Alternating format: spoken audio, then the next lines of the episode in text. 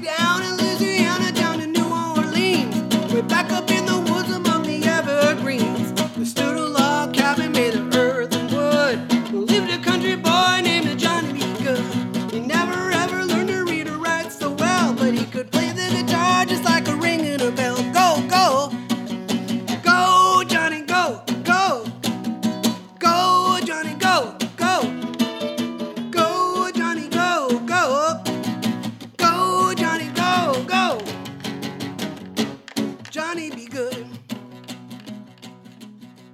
Послушали Чака Берри в исполнении Стива Свердлова.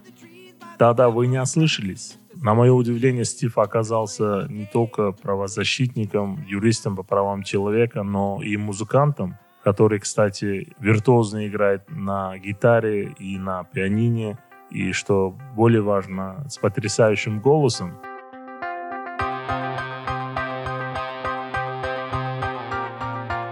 Здравствуйте, меня зовут Хуршит Али Марданов. Вы слушаете подкаст «Ихтылов». Это девятый выпуск, и мы начинаем. Ассаламу алейкум. Здравствуйте, Стив. Я вас приветствую. Очень рад вас видеть. И особенно хочу поблагодарить вас за вашу игру на гитаре, которая очень меня порадовала. Ассаламу алейкум, yaxshimisiz? Э, Juda xursandman. Э, Я очень рад, что сижу у вас, Хуршид, э, в вашей студии. Это здорово. Juda yaxshi, juda chiroyli joy. Э, Поэтому это совсем другое уже быть в студии и заниматься подкастом прямо на месте. Juda xursandman. Я всегда считал, что права человека, и вообще право и музыка, они идут вместе. В моей голове это разные части моих мозгов. Правая сторона, левая сторона. Я не знаю, какая из них да, является какой, но действительно джаз – это такой образ, это такая вещь. Ну, вы услышите и рок, э, и регги, и, может, джаз, чуть-чуть джаза, но джаз особ... в особенности это очень часто называли самым демократическим искусством, да, потому что действительно это такое упражнение, где разные голоса объединяются, конечно, по определенной схеме, но потом у них есть свобода, свобода выражения, свобода импровизировать и создавать что-то красивое вместе, но и при этом каждый раз что-то будет непредсказуемое, может быть, даже какие-то ноты будут раздражать э, аудиторию, но при этом будет свободный, оживленный процесс творчества. И поэтому я всегда чувствовал себя более свободно именно э, во время музыкальной игры и в джазовой игре. Поэтому я э, считаю себя, э, ну, претендую быть джазменом. Я не знаю, насколько я настоящий, но это для меня очень важно. И в Ташкенте, к счастью, нашел место в вашей студии, где можно играть на гитаре и в будущем на рояле. А, Дай бог. Если честно, сегодня открыл нового Стива, музыканта, который блестяще играет на гитаре, и также узнал, что вы, оказывается, еще начинали как пианист. Как я уже сказал, я открыл сегодня другого Стива и был приятно удивлен. И спасибо, что вы меня порадовали этой игрой. Я знаю, что вы преподавали короткий курс по правам человека американском университете в Ташкенте, в Вебстере, где мы встречались. Пожалуйста, расскажите о вашем деятельности в Вебстере, американском университете. Ну, еще раз спасибо, Хуршид. Для меня была большая честь, что в новом американском университете в Ташкенте, который недавно открылся, меньше двух лет а, назад, был интерес со стороны этого университета на факультете международных отношений и журналистики преподавать о правах человека. И они меня пригласили этим летом, чтобы проводить где-то 6 недель со студентами. И наша цель а, с этими студентами, которые, как правило, на втором и на третьем курсах, моя цель это была а, давать маленькое введение, введение в а, эту область в правовом смысле и в практическом, практическом, практичном смысле. Мы проходили основные конвенции о правах человека, начиная с все общие декларации о правах человека, проходили э, самые основные инструменты договора, Международный пакт о гражданских и политических правах, Международный пакт об экономических, социальных и культурных правах. Ну и помимо изучения истории, подписания этих конвенций и как они функционируют, мы, э, может, это более интересная сторона.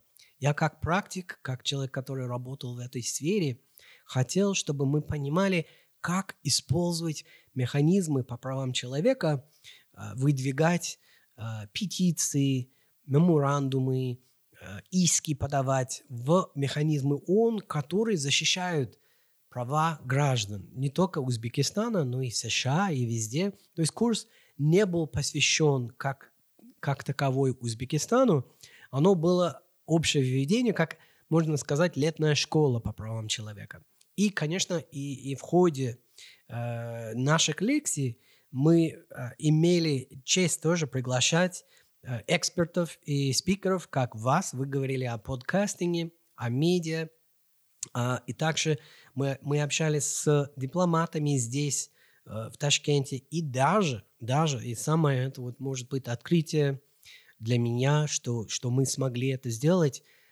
Я говорил со студентами, что если речь идет об улучшении прав человека в какой-то стране или в каком-то обществе, тогда необходимо, необходимо понимать, как правительство работает и ознакомиться с теми аспектами правительства, которые, как правило, должны иметь дело с правами человека, должны защищать права человека и с которыми мы, как правозащитники, обязаны как или никак работать.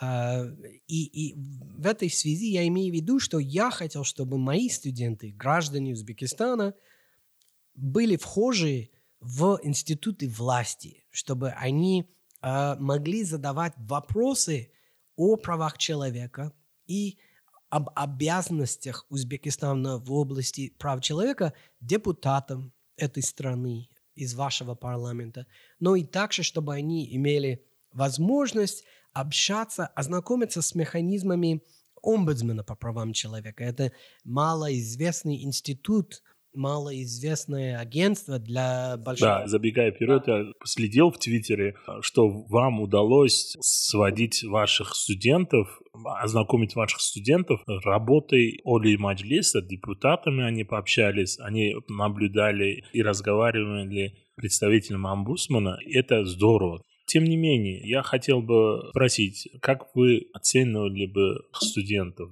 Я вообще не знал, что, чего ожидать, да, вот приехать в Узбекистан, и часто, конечно, ходят э, может, разные мнения, слухи о том, что, что значит высшее образование и высшие э, учебные заведения в Узбекистане.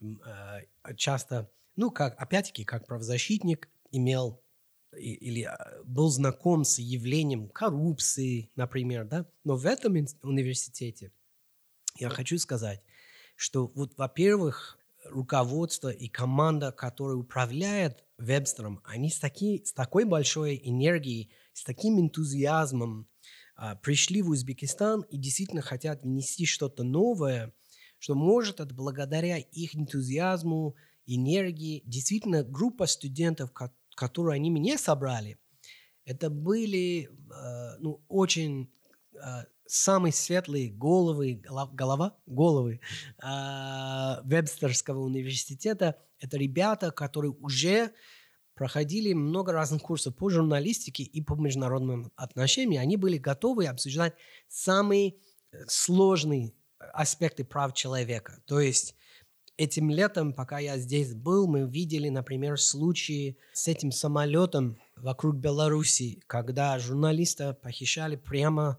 можно сказать, с воздуха, и его привезли в Беларусь. Э, я про Романа Протасевича, и весь мир увидел, как этот человек подвергается пыткам, как он подвергается давлению, и мы с помощью нашего изучения Международного пакта о гражданских и политических правах э, вместе с студентами мы, мы разбирали каждый аспект того случая вокруг этого журналиста Романа Протасевича.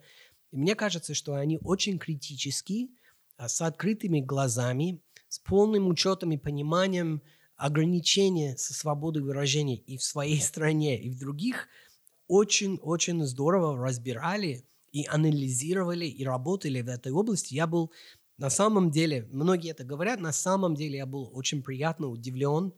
А, я получил для себя вдохновение, что можно и дальше здесь, наверное, а, более постоянную, я надеюсь, программу расширять, где и не только студенты, которые платят деньги за университет, могут принимать участие, но и гражданские активисты могут тоже принимать э, участие в такой правильной школе. То есть вы хотите сказать, если я вашу мысль правильно понял, конечно, это было бы замечательно, если был такой курс не только э, студентам, как, люди, которые активисты, которые работают здесь, чтобы они получали вот такие знания. Конечно, это было бы э, бесценно. Даже мне находясь там, было очень интересно узнать историю принятия некоторых законов, пактов и другие аспекты. Это очень интересно. И... Да, и знаете, вот и у нас в США мало преподается история прав человека, как использовать эти механизмы. То есть в моей сейчас основной работе э, я работаю сейчас и преподаю права человека и постсоветскую Евразию – и постсоветскую Центральную Азию в Университете Южной Калифорнии в Лос-Анджелесе. И даже там я замечаю то же самое, что часто студенты очень сильно хотят знать, что такие права человека, но когда дело доходит до практики, вот эта жажда, это даже голод, э, понимать, ну как, что мы делаем с этими правами человека, и как мы это используем, как мы применяем в жизни, что значит advocacy, лоббирование, э, агитация – политика ли это или это э, правовое, правовое поле? И, конечно, ответ непростой. Э, конечно, права человека э, включают в себя и политику, и журналистику, и чистые правовые какие-то концепции. Но я хочу сказать про своих студентов здесь, чтобы не забыть, что меня порадовало, что они, как опять-таки, что они очень критически относились к всей информации, которую мы разбирали, и когда мы общались, например, с вашими институтами власти, э, они, у них были очень а, хорошо подготовлены вопросы к своим депутатам, а, к омбудсмену по правам человека. То есть мы говорили о том, как в Узбекистане а, омбудсмен по правам человека Феруза Фархадовна Ишматова имеет право посещать заключенных, она имеет право и должна мониторить условия в тюрьмах. И мои студенты задавали вопросы о, а, об этом мониторинге, как это происходит, с какими проблемами сталкиваются, как они выбирают участников гражданского общества, чтобы принимать участие в этом мониторинге.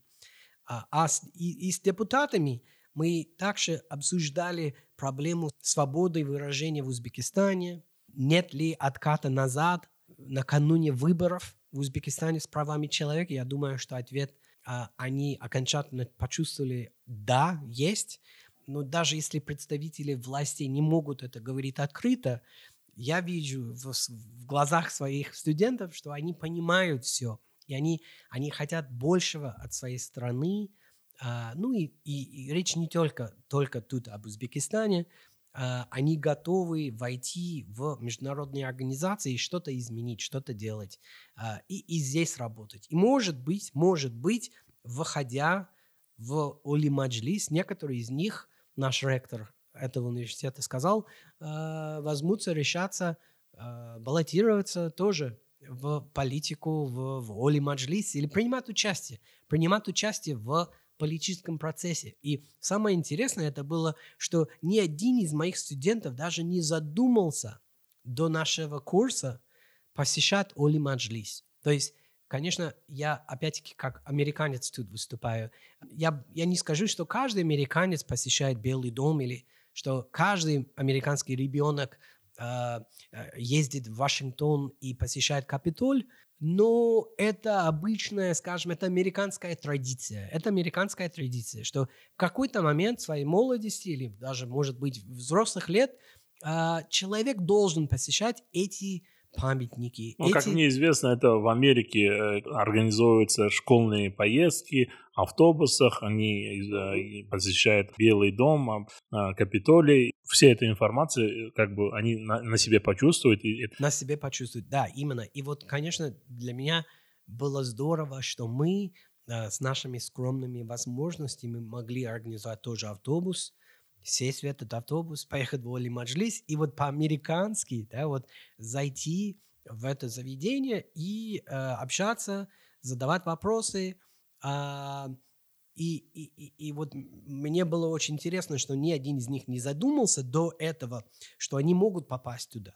А после этого они, а, они готовы, а, они уже они готовы что-то еще найти, искать, они хотят стажироваться, и, может быть, к вам придут научиться подкастингу.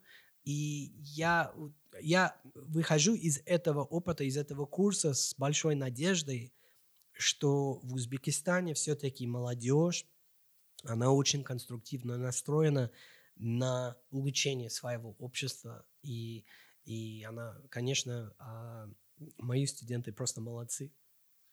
Мы частично это обсуждали, но в вашем ответе вы коснулись. Мы с вами разговаривали записывали подкаст в конце ноября прошлого года.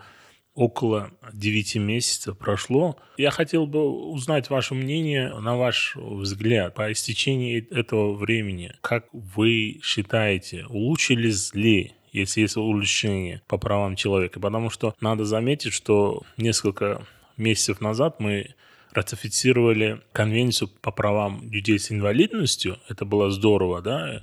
Но, тем не менее, есть некоторые моменты, которые я бы хотел поговорить. Да, действительно, надо отметить, что с февраля этого года вызывающие обеспокоенность случаи в Узбекистане по правам человека участились, и э, чувствуется, конечно, давление э, и на гражданское общество, и на СМИ, на мы не знаем, это в связи с предстоящими выборами, или это может быть еще и последствия выхода или из, пандемии или, или, или последствий пандемии. То есть факт остается фактом, что больше энергии и больше моментом, так скажем, для улучшения прав человека мы видели, естественно, в 2017 году, в 2018 году и в 2019 году.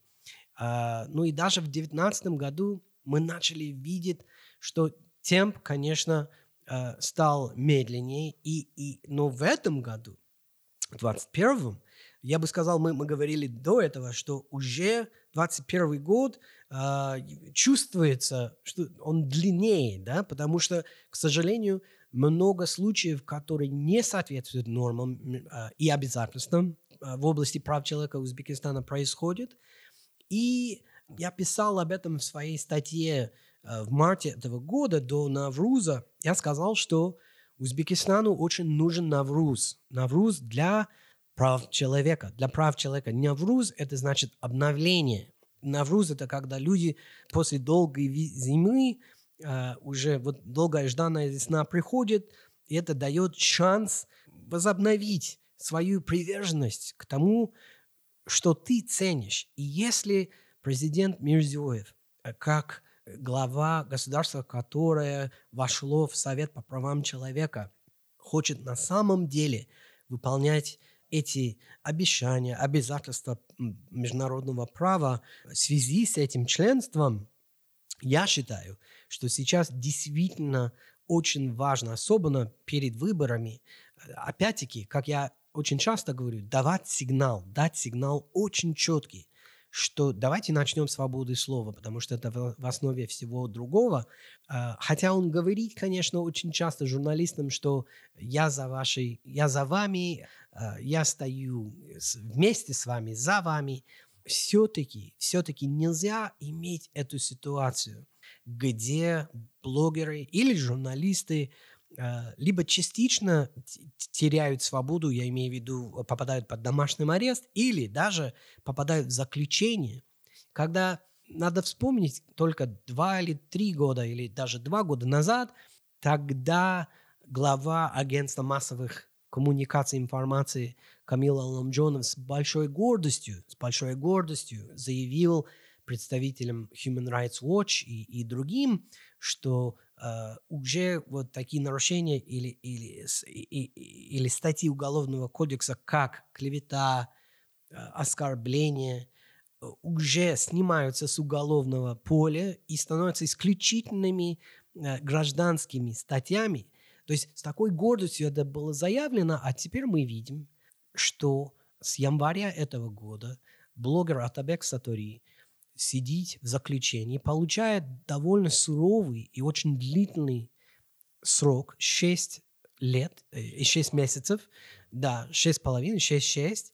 А, совершенно недавно а, мы с вами сидим, а, несколько дней назад, суд отклонил его обжалование в Самарканде, э, и я думаю, все в гражданском обществе, в правозащитной сфере очень надеются, что Э, эту ситуацию исправит правительство, э, и, и суды его освободят, потому что Потому я извиняюсь, что, да. что я перебиваю. Мы начали разговор о, выступлении президента в ООН. Это был э, так э, удаленное выступление, но он сказал, что один из э, его обещаний, то, что будет принята конвенция по правам людей с инвалидностью, э, мы уже приняли. Это здорово правах э, людей с инвалидностью мы, конечно, поговорим. То, что президент говорил, эм, я это еще разговаривал в подкасте с господином Ричардом Камендо. Если кому интересно, вы можете э, зайти и послушать этот эпизод. Но э, насчет Сатори тоже, если кто не в курсе, я должен заметить, что после апелляции суд решил вернуть две квартиры, которые были предметом как бы незаконного обогащения, посчитав, что никакого нарушения нету, но, тем не менее, суд решил оставить сам срок без изменений. То есть получается, что я как-то удаленно наблюдал в интернете э, за процессом, когда вопрос задавали юри... Э, адвоката Утабека Сатори. Если нету изначально суд э, посчитал, что две квартиры получено с помощью шантажа во время апелляции суд посчитал, что а, нет доказательств, что он это так получил, и вернул ему две квартиры. Получается, что... Что состава преступления нет. Состава преступления нет. Но вот эта тенденция, конечно, очень э, настораживает. Ну, я уверен, что президент не заинтересован, чтобы его политика, которую он ведет, вот такими случаями чернились, да, и я считаю, что вот такие какие-то локальные случаи, которые можно было показать, если даже он нарушил, давайте, пусть он несет наказание. Come on, да, люди на красном свете перекрестке кого-то детей э, убивает, получает 4 года. И, и, Понимаете? И, и это мы слышим, я, я все лето слышу от многих людей возмущение, что и, и мы видим опять другую тему, касаюсь, что э, по домашнему насилию мы часто видим э, случаи насилия, где э, либо убийцы или, или мужчина, который совершает изнасилование, получает сроки а, даже меньше трех, меньше двух или даже вот меньше одного года выходит, а мы видим, что блогер сидит, получает 6 лет. А я с вами согласен. Я думаю, что здесь правильная позиция. Надо было бы и вспомнить Э, эти гордые слова и заявления о том, что э, клевета, оскорбление переходят в гражданский кодекс, э, нужно было бы, конечно, если есть credible charges, как мы говорим, или какие-то серьезные обвинения, это нужно было бы, ими надо было бы заниматься в гражданской, в гражданском поле. Иначе мы видим однозначно, как вы сказали, что то есть был дан четный сигнал, но просто не тот сигнал, да, о котором я говорил. Тут был дан сигнал, что блогеры всегда должны задумываться, задевают ли они интересы Хакима, задевают ли они интересы, интересы каких-то влиятельных людей.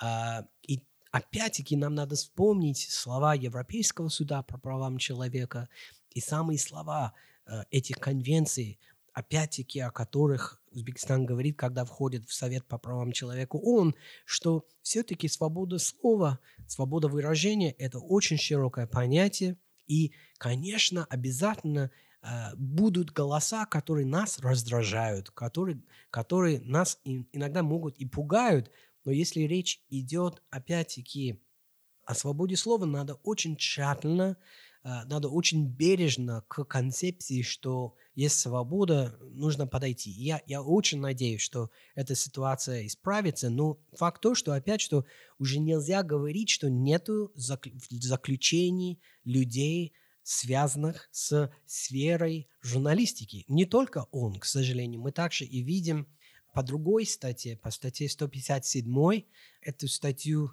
м- может, меньше знают люди, это статья «Измена», очень такая статья, которая связана со советским наследием, советским прошлым и с, кари- и с каримовскими временами.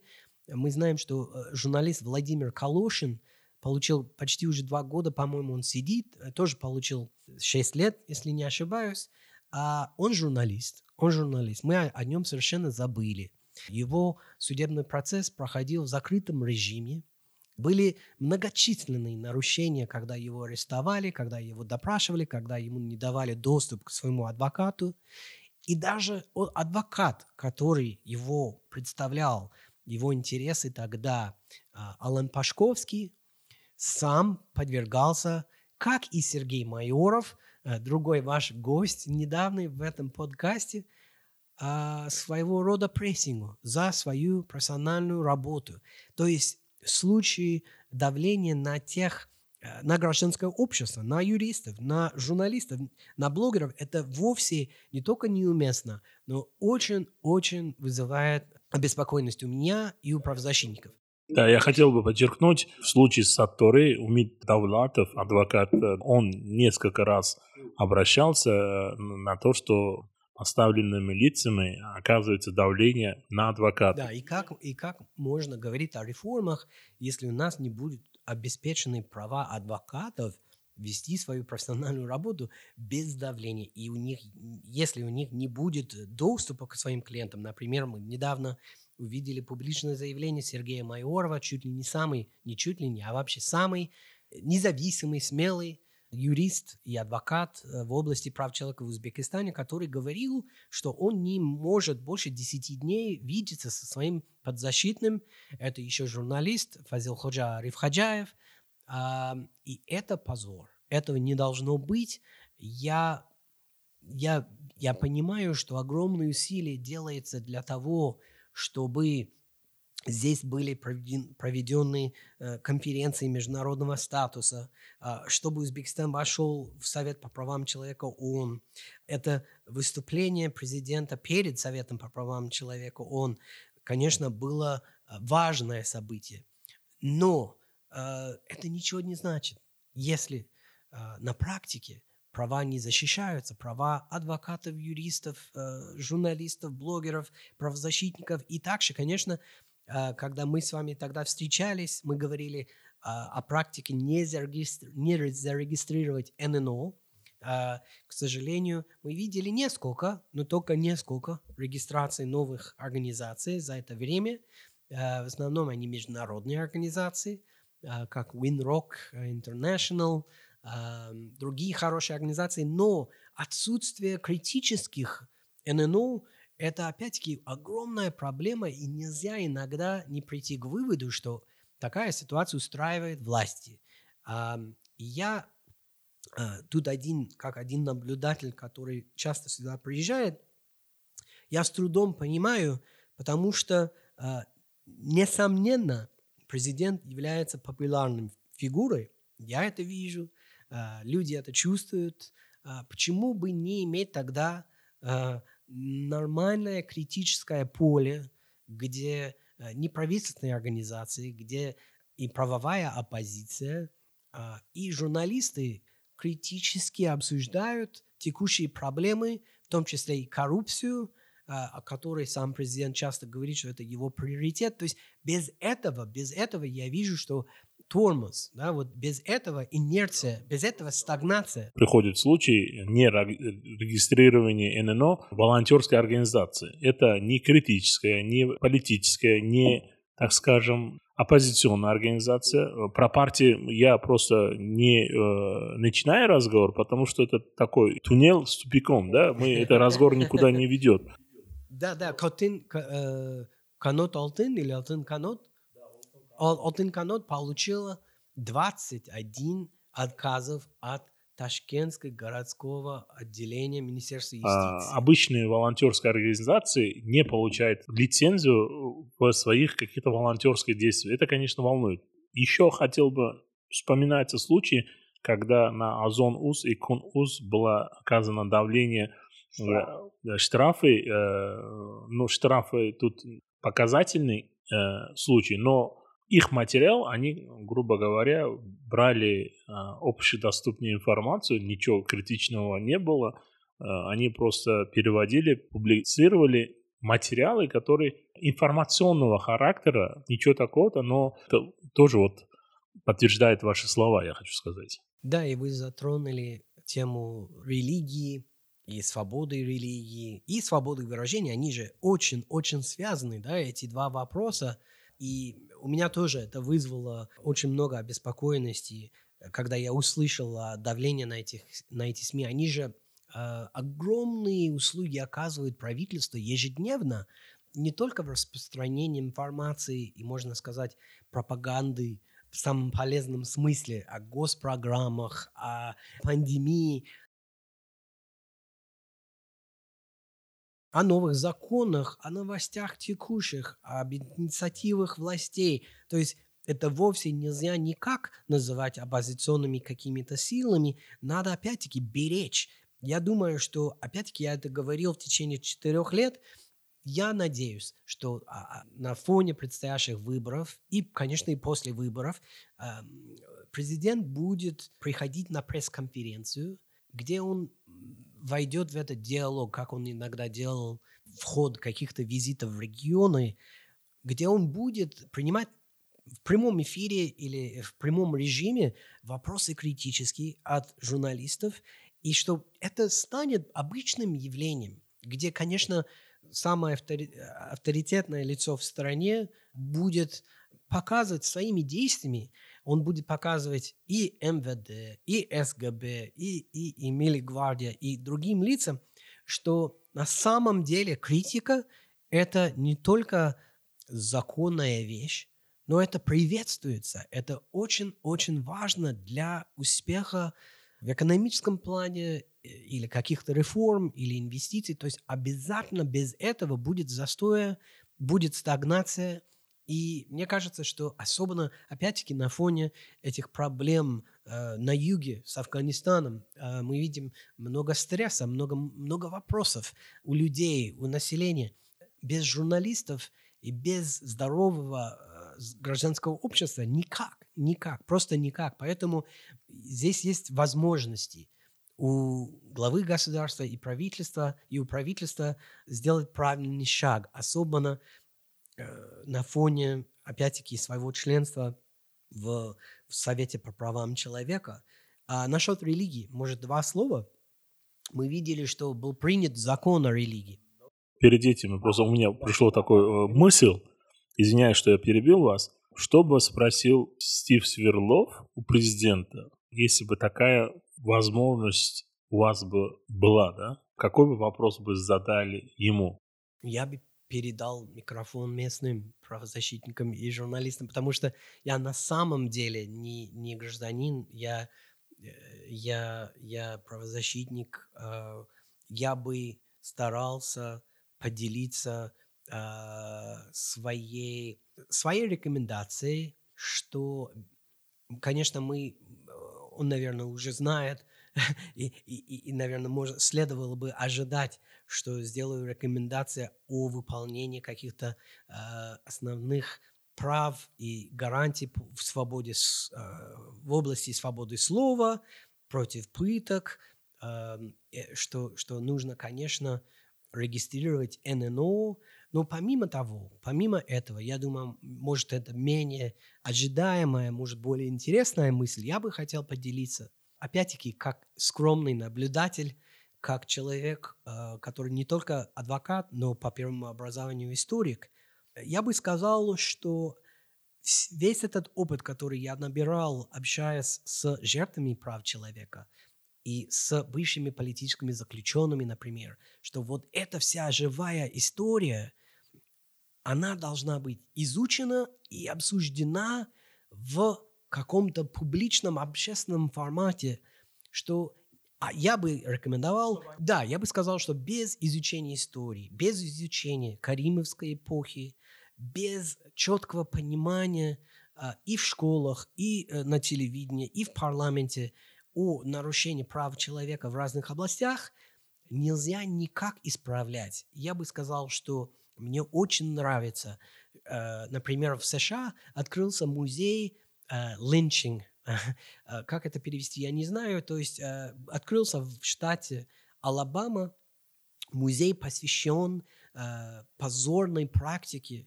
на протяжении 200 лет в Америке, где афроамериканцев просто линчевали и убивали расисты. Да? И это ужасно. Это история, которая для нас э, это позор, это больно, это болезненная тема. Но слава Богу, что мы его открыли, этот музей, да, потому что дети будут понимать, чего нельзя делать. Э, Мы, мы понимаем, только начинаем, даже в своей молодой Америке, э, что такое расизм, как с ним бороться, что нужно делать, кому, кого компенсировать за нарушение прошлого. И мне кажется, что здесь, а, в Узбекистане, сейчас уникальный момент, когда уже можно вот хоть бы начинать говорить. А, да, мы закрывали Just League, да, закрывали Just League, но что там происходило в течение 20 лет, да? Что там Но происходило? Just League не закрыт, как, как вам Ну, известно. Какие-то лица содержатся, да, по словам нашей коллеги, нашего коллеги Абдурахмон, э, хотя Гуин, э, глава Гуина уверял э, нас и меня в составе представителей посольства США, э, когда я делал, приходил с официальным запросом к ним, что никогда больше никто не будет содержаться там. А, Я бы хотел сказать или говорить, вернее, с президентом о том, что эта история, история современного Узбекистана, она не только интересная и в каких-то частях очень трагическая, но она очень важная в плане сформировки, сформирования дальнейшей политики. И если мы серьезно относимся к концепции реформ, мы обязательно должны всю эту историю раскопать, обсуждать, преподавать, и а, только тогда, мне кажется, сможем, может быть, избегать а, этого наследия, повтора этих проблем. И для меня самые интересные собеседники – это ваши гости, это, например, Азам Фармонов, Акзам Тургунов, люди, которые на своей шкуре видели и, и испытали на себе, помимо прямых рекомендаций в области обязательств Узбекистана, я очень надеюсь, что найду поддержку э, у президента и, у, и, и, у, и в Сенате, и в Оли Маджлис, а, и у политической элиты а, для, для открытых обсуждений и дискуссий о а, реалиях, о действительности и о настоящем прошлом этой страны.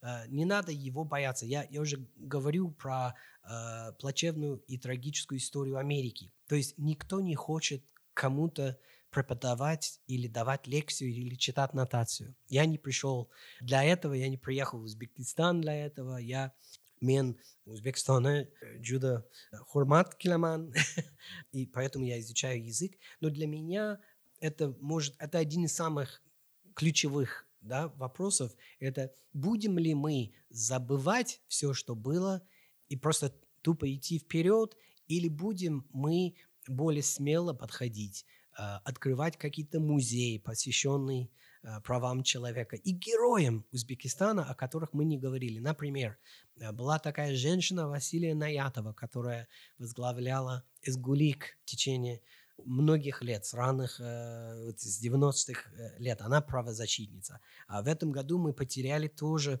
Сурата Икрамова. Я о нем писал статью. Почему я писал эту статью? Не, не просто потому, что я его очень уважал, но потому что его дело надо знать. Э, Это человек, который собирал сведения о пытках в тюрьмах Узбекистана, который поддерживал семьи родственников заключенных невинных, э, невинно осужденных людей, и, к сожалению, его историю никто не изучает и никто не преподает. Поэтому я очень надеюсь, что мы, мы начнем смотреть на правозащитников и на узников совести и на журналистов как на героев Узбекистана, не, не как а, каких-то странных личностей, а, потому что чаще всего, чаще всего мы начнем понимать, что будут больше успехов в этом обществе, если будут всегда критические разговоры и открытое, более открытое общество. Открытое общество – это значит не всегда предсказуемое. И при этом, при этом, конечно, я понимаю, как многие, что э, есть э, свои challenges, есть свои проблемы, есть Афганистан, э, есть экономические проблемы, есть огромная безработица, есть проблемы коррупции.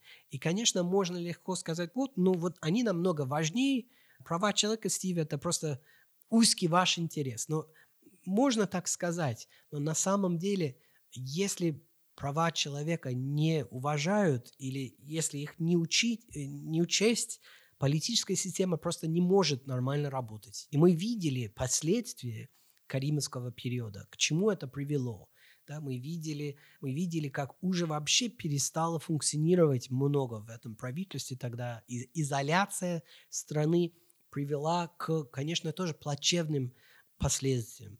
А, поэтому я очень надеюсь, что и до выборов, и после выборов мы увидим а, более честный подход – к истории и к выполнению своих международных обязательств в Узбекистане. А, надеюсь. Мы начали говорить про принятые законы о свободе религии, свободе веры, но эксперты говорят, что новый принятый закон сохраняет, как бы не решает э, основные фундаментальные недостатки предыдущего закона.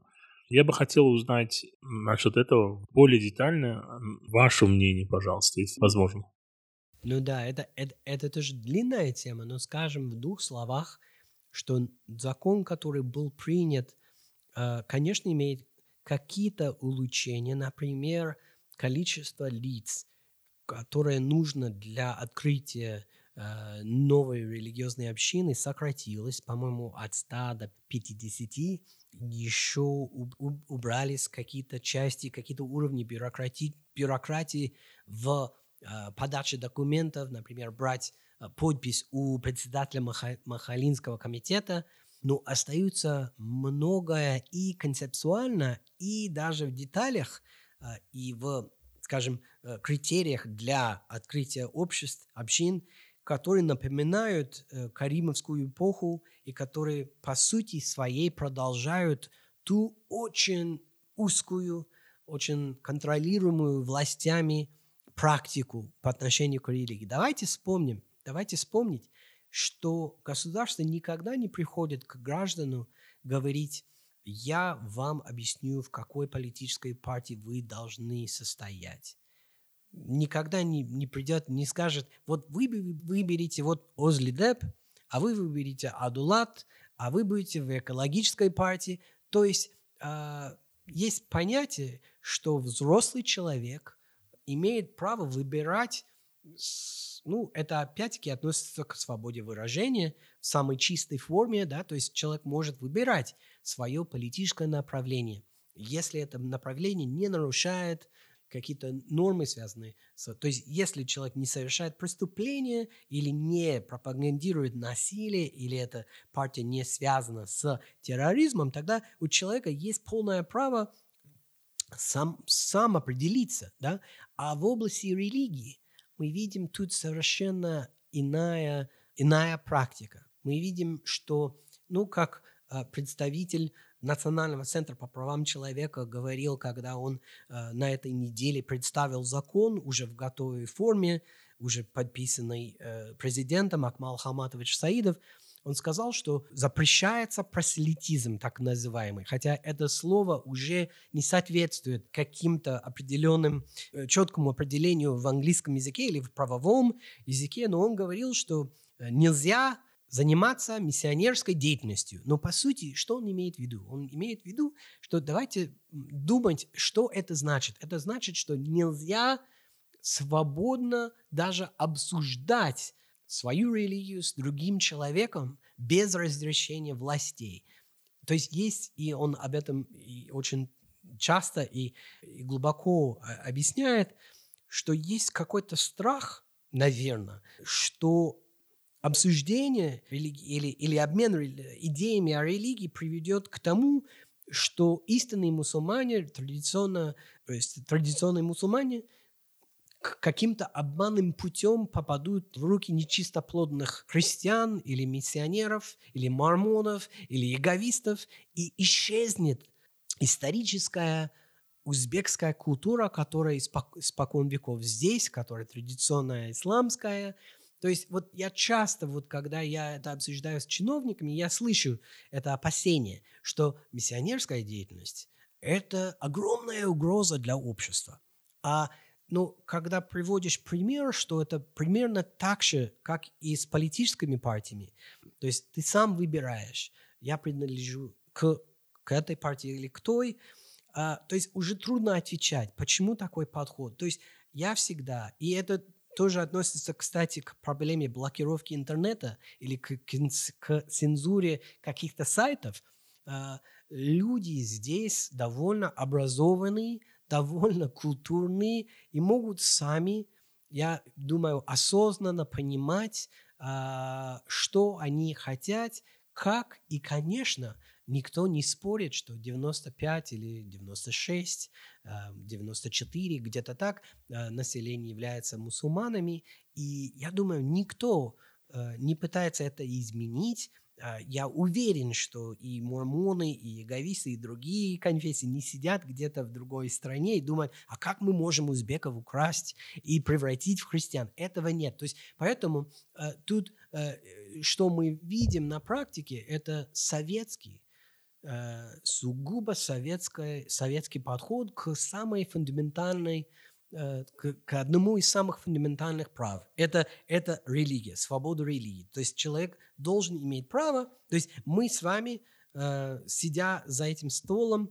мы должны иметь право обсуждать э, какие-то религиозные идеи. И слишком часто, даже при правлении этого президента, мы видели, что спецслужбы, полиция арестовала лица, которые на самом деле невинно обсуждали религию. И, и это, опять-таки, это напоминает Каримовскую эпоху, и э, это, это полностью нарушает э, обязательства по правам человека Узбекистана.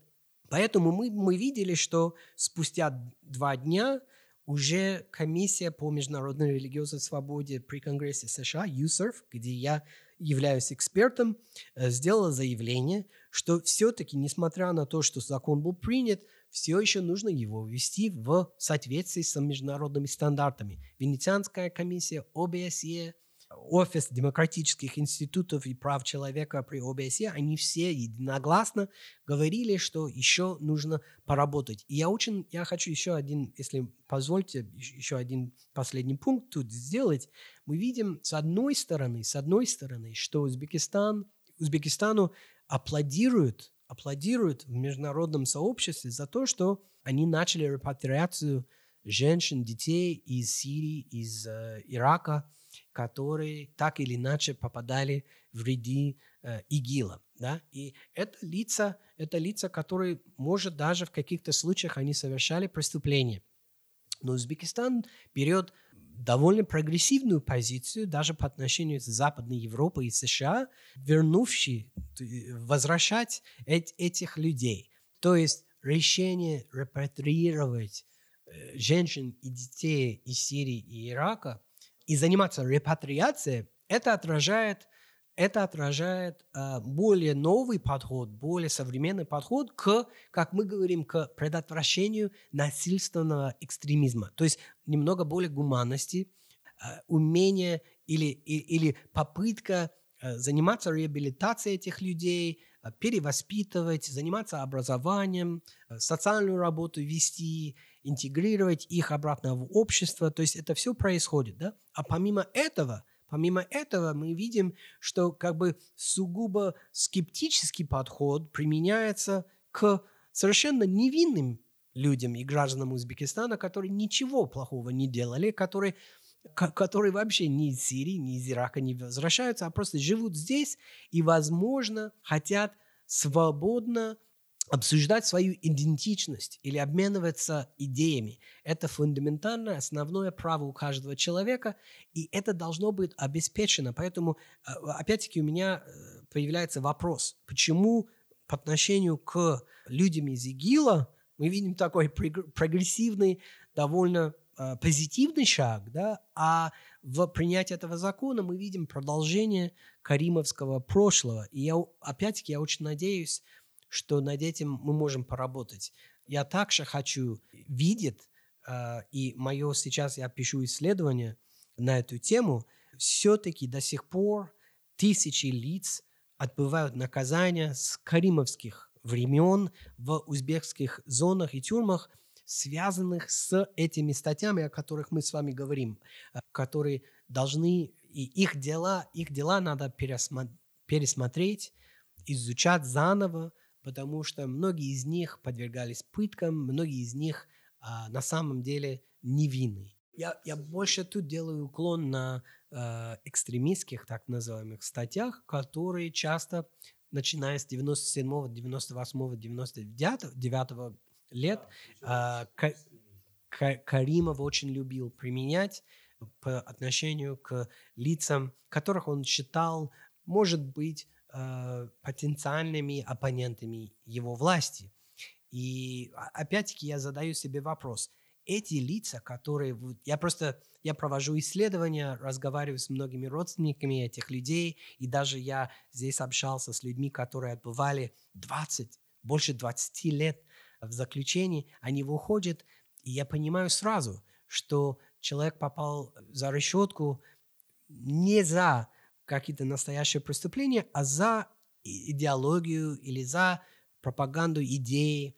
С ним надо было бы работать, вести разговор, заниматься за инакомыслию и в религиозном поле. И если опять-таки мы видим, что правительство готово работать с женщинами, с детьми э, из Сирии и из Ирака и заниматься э, преподаванием по религии, почему бы не сразу пересмотреть дела тех, которые проводили где-то 20 лет или 15 лет да, а, за, за решеткой. Э, это большая проблема, потому что это значительное количество лиц.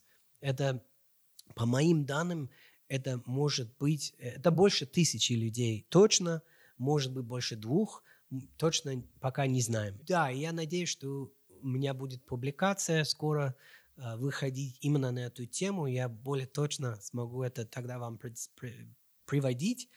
Но э, это такое наследие, опять-таки, связано с предыдущей темой э, о реабилитации, об истории Узбекистана. Это надо обсуждать, потому что их родственники, они тоже страдают, они сами страдают.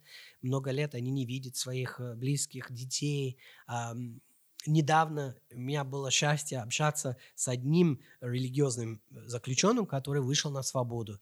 Э, вы говорили о подписании конвенции о правах лиц с инвалидностью. Это действительно позитивный шаг. Еще один позитивный шаг, да, потому что не хотелось бы только говорить о негативном.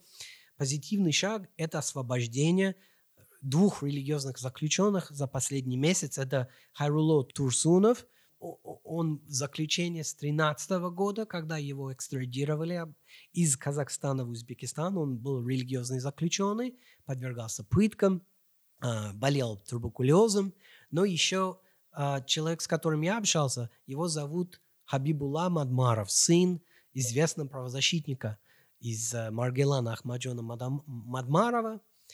Хабибула Мадмаров был заключен 31 декабря 1999 года то есть больше 21 года он провел э, в заключении.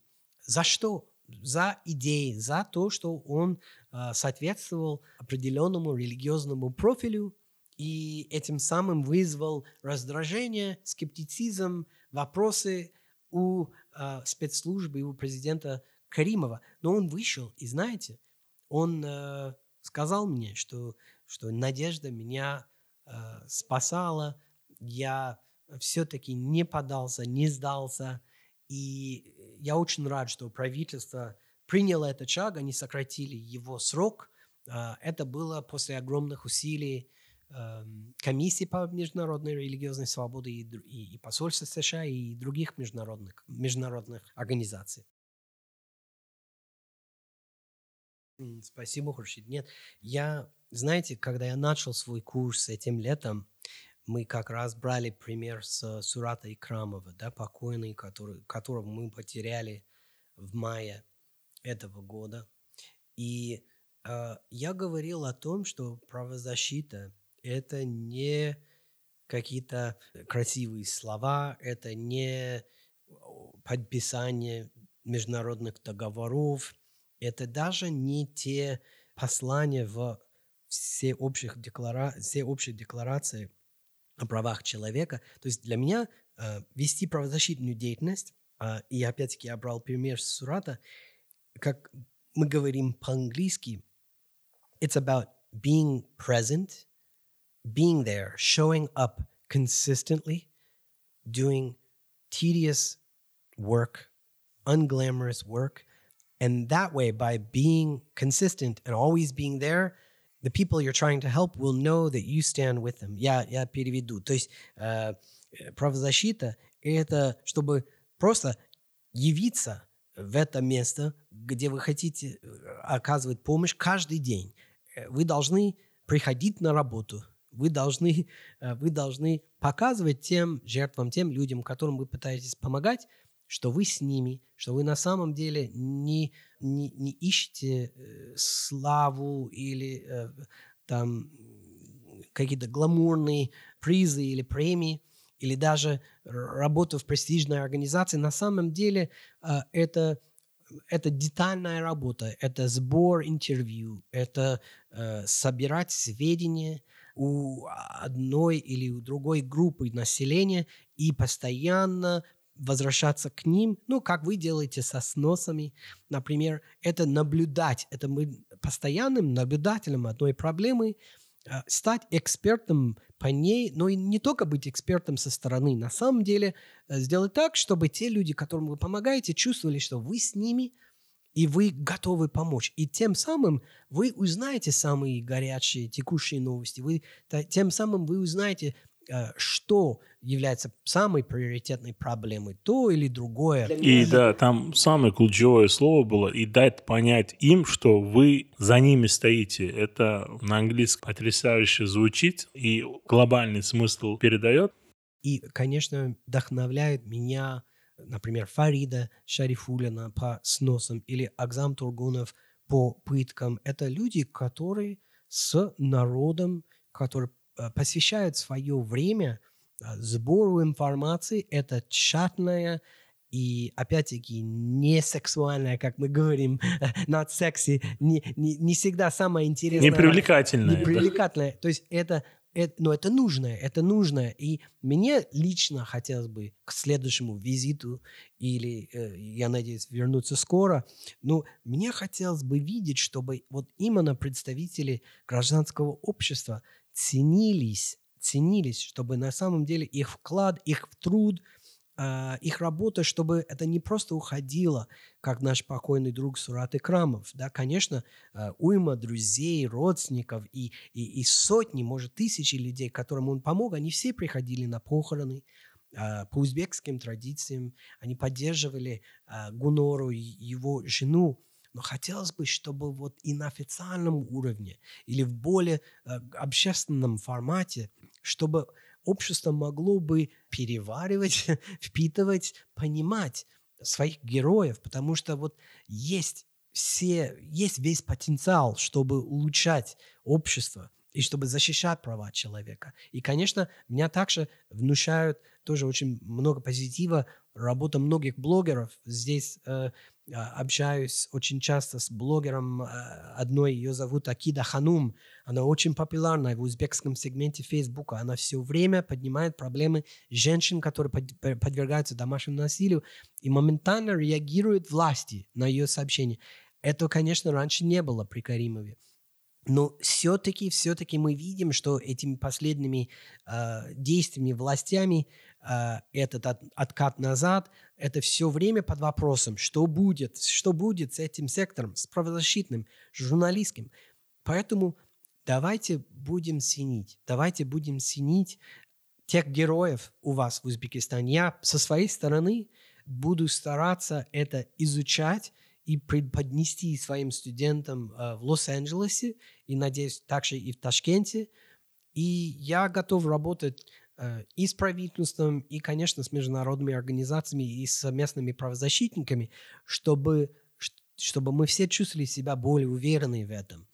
И я всегда, когда я не знаю, что делать, когда я когда теряю надежду, когда понимаю, что мне не понравился новый закон о религии, я все-таки возвращаюсь к первым истокам, источникам. Это те конвенции, это те ценности международных правовых инструментов. Я их заново читаю и пытаюсь себе напоминать, что мы пытаемся тут делать. Я понимаю, что это долгий процесс, что это не за один день. И поэтому самое важное – это поддерживать своих коллег и иметь какую-то солидарность с ними – и, и способствовать тому, чтобы и ваш подкаст все услышали, да, э, поэтому, поэтому вот это мое пожелание, просто чтобы мы э, ценили и поддерживали права человека и правозащитников.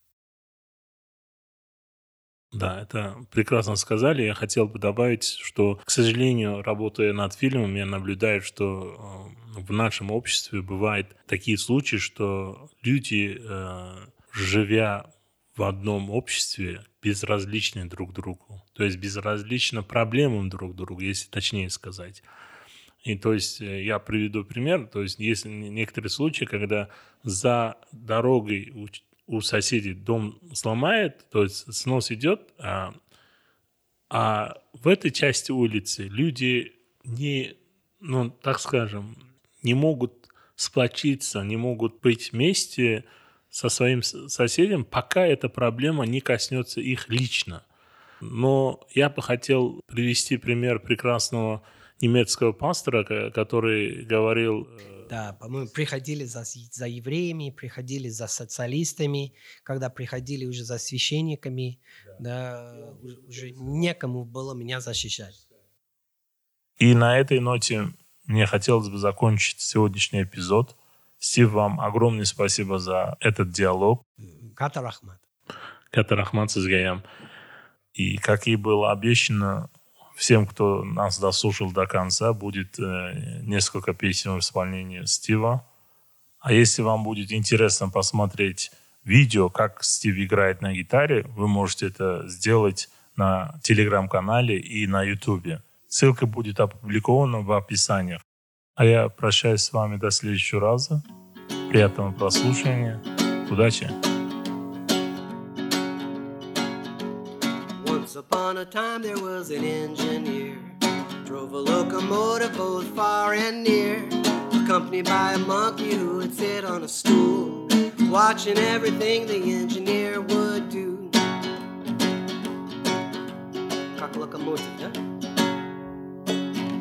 One day the engineer got a bite to eat. he left the monkey sitting on the driver's seat. Monkey pulled the throttle, locomotive jumped the gun and did 90 miles an hour down the main line run. Big locomotive, right on time.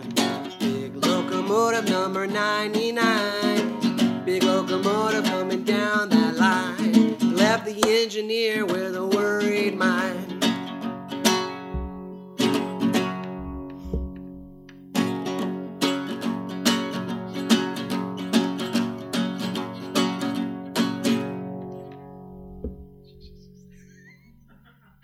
Howard.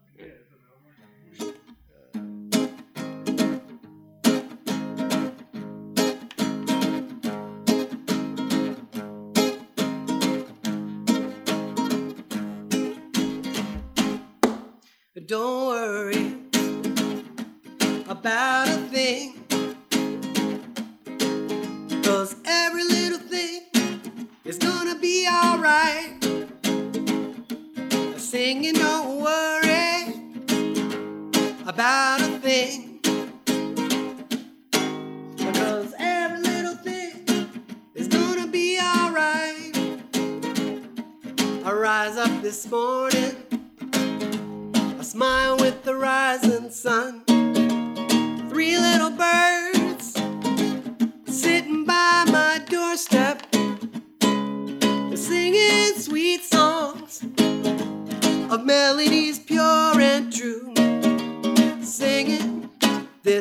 Message to you. What they say? Why, why, why, why, why,